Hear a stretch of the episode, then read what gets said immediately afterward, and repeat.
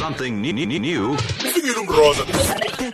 Nosibu. noma bengathini ke uthando lwakho ke emjikijelwa ngeke luze liphele nhlobo umlalelo lokhoza limapheko phiko ku 90.8107.4 FM eningizimu Afrika kuphi nakuphi la kufinyelela khona engadla ngadla isiteshi qanqaza phambili ezwenikazi lase Afrika ke ukhoza FM ukhoza limapheko phiko siyazi ke umlalelo lokhoza FM uthi masikhuluma ke eh, ngokubaluleka komculo wesintu kusukela lapha kubaba uBhodloza mfokanzimande ke lapha kuyena wayibiza ngengulube encane ngoba efosha udaka ngesikhathi sobandlululo ke abantu bephikelela ukuthi cha ke into zakithi belalela ke aba- abelungu eh ukuba ke into zakithi kayiselutho ke eh okwakithi ke imvunulo yakithi ke into zakithi umculo wakithi awusabaluleke kanalo ngalutho nje ke. Basiphuca ukuthina. Kepha ke emlalelo lokho FM uzokhumbula ukuthi ukubuya kwethu ke njengamaAfrika kakhulukazi enhlanganweni yezokusakaza ke ukhoze FM ne-SABC ningizama Afrika ke ngisho imigomo yayo restoration of human dignity ke conversation and partnership okukhombisa khona ngokusobala ukuthi ukubuyisa kwethunzi somuntu omnyama sibaluleka kangakanani? Ngeke usibuyise isithunzi somuntu omnyama ngaphandle kwesiko lakhe. Ubaba ke unzimande wathi mayiqala lolu hlelo ke ukuthi kasikiya ngengoma ke walalu 30 minutes lumzuzwana nje emncane ke wathi ke uyingulube encane ngoba wayethathe into ebalekelwa yonke umuntu. Uzokhumbula ke ukuthi emveni kwakhe kwabese kufika ukhathide ke umfoka ngobe wanyakazisa ngempela umuntu abantu abasha bathanda umculo wesintu.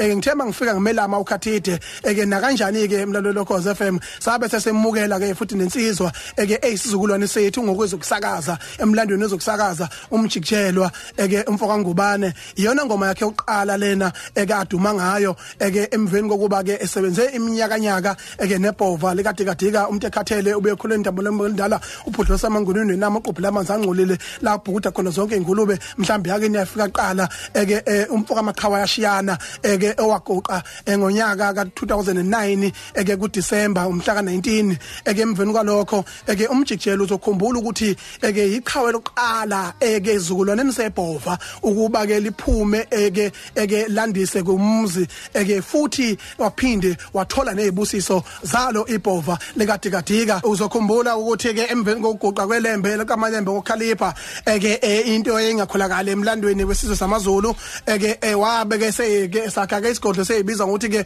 eke kusemngunga ndlovu ondonga ndonga ungazi ngobomvu ingazi yamadoda eke eke unove uvezini onyanda veze kuyawufa abantu kusala ibongo sale zibadabula emanxiweni. Kwagcina sekuyisisho ke sekuyisakha eke sikazulu wonkana ukuba ke makhona ke insizwa zeyiguqile makukhona ke amaqhawe aguqile eke khulunywe ke bese ke eke gcizelelwa kanjalo ukuba ke ziyawuhamba insizwa kusale ibongo ke. Ngonyaka 1983 yazalwa ke insizwa ke yongubane eke umjikijelwa eke ewadume kakhulu lapha ke ama album akhe amaningi awakhiphile eke mlalelo cause FM efuze uyise kwezomculo eke webo ubhovo lekadikadika lapha athi khona ngempela ke mlalelo cause FM mina nawe eke kuyona ke album yakhe yokuqala ethi hlupheke sonke eke lengoma ke esingene ngayo.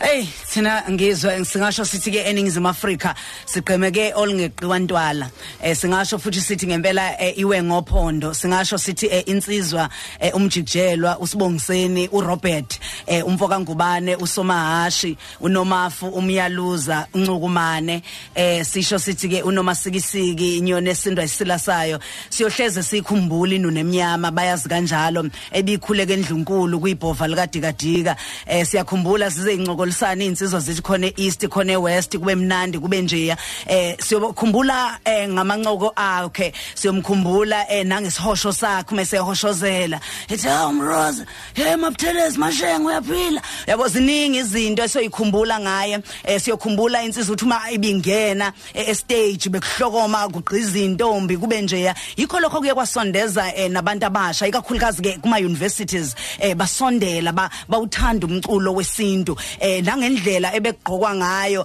a- agqoke nge sithi nawo lo mfana we hip hop yini noma one zibangisane zonke intombi ngaye zibangisane eh nathi lapho o- o- o- o- o- o- osamukelo umtshali athi hayi hayi owami umjikijelwa nohloniphile fakazi athi owami umjikijelwa happy girl owami umjikijelwa umrosary athi owami umjikijelwa kube mnandi ilihlaza ngebala. So Awu, hleze madoda. siyikhumbula Hey. kanjalo zolala insizwa ngempela umjikijelwa siyasho sithi nje qhalaha lika shahufuza inune emnyama. Uyabona eh, ayikho into ebijabulisa njengokubona abantu abasha. Khona la uke wajika khona umaskanda kwaze kuthiwa hashtag maskandi music is now on swag. Eh ku- ku- sabona abafana be hip hop sabona abafana bekwaito sabona be- behlanganya sabona kuma universities athi umuntu egrade kodwa uthola ukuthi eh, uqeda lapho uma qedana ushaya ingoma. Eziningi izinto abazenzile eziyenze zenza ukuthi umculo wethu eh ikakhulukazi njengoba sikhuluma ngawo nje futhi kwi Africa month eh ukuziqhenya kwabantu eh abasha.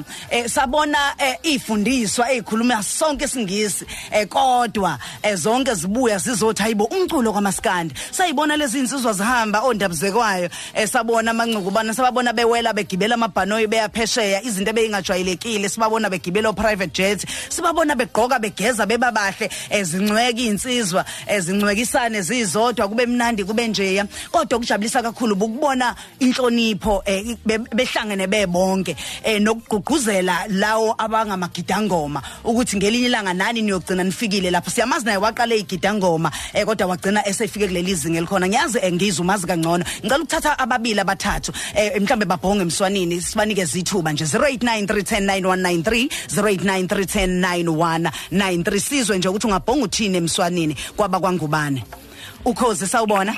Eh Mroza no nongizwa. Mhm. Eh siyabonga. Ungana kamiyala nambitheza kheni kwa ngithi ah, umndeni kwakubane awududuzeke. Uyibekile induku ebandla mangikhumbula nje amanona akhe ayi maningi kakhulu. Mangacabanga bezingoma ezilalelisa ihashi lami kukhona nje amanqokumane la ugcina wakhiphe ngo2017 ngathi ayisebona ngendlela ayishaye ngayo lapho. Ngithi nje umndeni wa- wa- wakangubane eh sizwe sonke silahlekelwe kulahlekelwe thina sonke. Ududuzeke ngiyabonga. Sibonge kakhulu. Siphinde sithole omunye ukhozi sawubona? Yebo ntokazi. siyakubingelela kukhozi? Yeah uDJ Mhlete la. ehe bonge emswanini baba Yebo ngithile mpenza ngikhonzile nkulu ehambe kahle le nkonzo ngikhonze nazo ingoma la efonini yami. Ngihambe kahle ofethu. kulungile ukhozi sawubona ukhozi sawubona Eh sawubona Mroza. sikhona Sibani sibingelela lapha emnambithe endaweni yaseJonono isayi ndini nokwangubani manje. Awulale ngenxeba silahlekelwe sonke siyi South Africa besilithanda icala. mm South Africa yonke ilahlekelwe. ngiyakuzwa bhuti wami ngiyakuzwa ngiyazi ukuthi emvoti phansi eh komzinyathi komsinga kowinene komaphumulo eindaweni kwajikijiki induna yeinsuzi iNigeria lomzulu luyakhala kukhala eh insizwa ebithuma noma ngabe isegoli yehlile isemakhaya kodwa ihambele imkhehli ihambele imemulo eh ivunula iconsa ihlangane kanye nezinye insizwa sithi nje eh ungabhonga uthini kwichala lika Shafuza ukhozi sawubona. Yebo Mroza, eh sikubingelele dadewethu ngisacela ukukhuluma nawe xolelo. ukhozi sawubona? Siyabonga njani? ukhozi siyakubingelela Yebo nje nami ngicela ukudlulisa amazwi enduduzo thina ke njana bacula bebesafufusa njengomelo ususiginqa wadlami silahleke ngoba kade sithi sifunda lukhulu kibo. Ngicela nje ukuthi umndeni wakwangubani ududuzeke wonke silahlekelwe sonke njengeningizimu Afrika. Ngiyabonga Mroza ngiyakuzwa. Uyakhala kakhulu um- imeya yasemzinyathi ubaba uPetros ungubani umbomvu? Eh amabomvu onke uyakhala umeya wasemvoti municipality eh ungubane osemncane? Kukhala wonke amabomvu athi kodwa kwenze njani. Ngizwe umazi kakhulu mfowethu.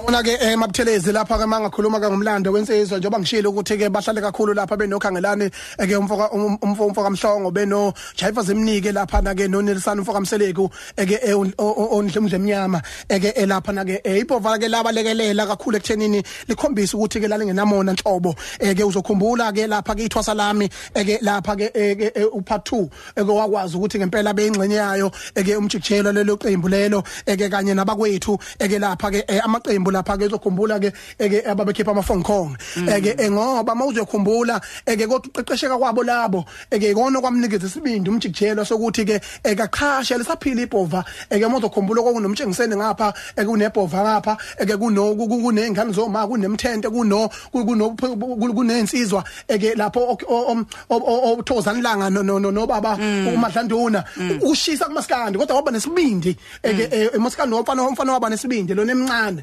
Eke wakwazi ukuthi kaphumele ubala eke walekelelwa insizwa uxhobo umfoka Mpongosa siqiniso ah, semkhulume umpo- bafowethu ya, uMpungose. eke yabona yabona umtshengiseni wa wadla magalane esandleni sika Xhobo umfoka Mpongosa umjikijelwa u- wagibela indiza esizom interview yokuqala nqa la emsakazweni ek- ekhiphile njenge nje- nje nje eyimele sinokhatite eke wa- wayichoma lapha ke eh, umjikijelwa ehambe ngendiza efike lapha emsakazweni. Emveni kwalokho wakhipha amanc- u- uthe mayi- bayikhipha omenzela boqala lapho ethi ngibona nginje nje nje mngani wami ngaphekwa yibhova ngoba waseyitholile ibusise ivele ebhoveni emveni kwalokho uzokhumbula ke amangcumane ekuqala eke ashitha isikhotha ngeingoma zakhe ezazithi ke useZimbabwe usehambile useZimbabwe eke ziningi kakhulu ezinye zayithi ushuni ohlukile kakhulu umzansi ngoba kwezebhova lapha mangabe ishaya owanwane uye kuphela umjikijelo wayethi mayeke abeshaya bese esika umzansi ngoba phela ke eke wayehogele kakhulu ngapha eke emoyeni waseBackville njengoba ubona umsinga futhi ukuthi ke eh, uyathelelana ke kanye nesikhothi neBackville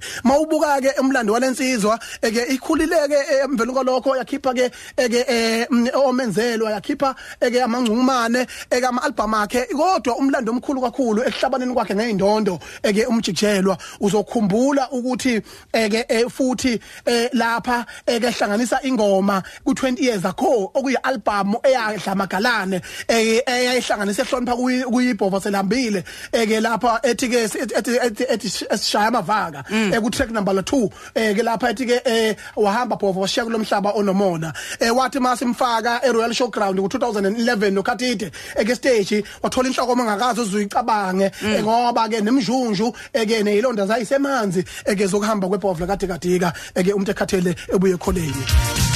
Uthema ithi ngiyaqhosha ngiyaqholosha ke eh, ngempela ke qabathula njengenkonyane emadoda suka madoda induna emnyama koze kwabo lapha amadoda umjikijelo umfoka ngubane eke eh, ngo2015 eke iqopha umlande ngena kunombolo 4 eke lapha nehlula oBlack Coffee ehlula oMikasa Yeah. ehlula ingoma eyiningi kakhulu eke nengoma ye- yentokazi ke gospel laphana eke eh, uthobekile. Eh, uthobekile. phansi ngikwazi ngingqondo Yeah. mngani yakwethu uthe suka lapho kumjikijelwa wakhuluma bonke abantu bathi hayi khona. Siyaqala ngempela bathi icala. siyaqala ukubona umasikandlenza kanje. Kubusa mina kodwa bakithi ah ulala mjikijelwa ngiyabona abantu abaningi ke bayakhala kukhala amakhosi ahlukahlukene kukhala eh, inkosi yasemacambini eh inkosi yangakithi lapha ithi hawu madoda hawu umjikijelwa akasekho. Eh, baningi ke abathukile njengamanje kukhala insizwe zamatekisi insizwe emahostela eh, kukhala abantu abadala omama kukhala abantu abasha kukhala ama universities ke ahlukahlukene. Siyabona lapha University of Zululand UKZN bayakhala eDUT bayakhala ko Vets ko UJ eindaweni eziningi abantu abasha bathi awu lala qhawe akukho esingakwenza. Yabona ke emroza ke nabalaleli ke amahiti ke beshawa umjikijelwa ke ayamangalisa kakhulu eke eh, ngempela ke eh, nokotina beudla benesibindi sokuthi ayi mathi bayiphumile kuBrentwood eshaya ke ezinye ingoma eke la eshaya en- enye fashion eke bese yamfanela kube kuhle ke emlalelo khoza FM sithi ke bakwethu eke umndeni okwangubani ududuzeke eke usiphile wasiboleka eke iqhawe eke pha ngempela ke ukuhamba kwamaciko emancane kangaka kuyadumaza. Esingakusho ukuthi cha ka impela ke asona isikhathi esingathi besifanele bakwethu. Ishwa elibi kakhulu. Siyalila sonke ningezemo Afrika. Esengathi ke kodwa kabalandeli bangathuduzeka eke kuze kufike isikhathi la siliphelezela khona iqhawe la kwangubane kwajikijiki eke liphumule ngokuthula. Alilihle yashi lakho awumfoka mina awuthi mawamba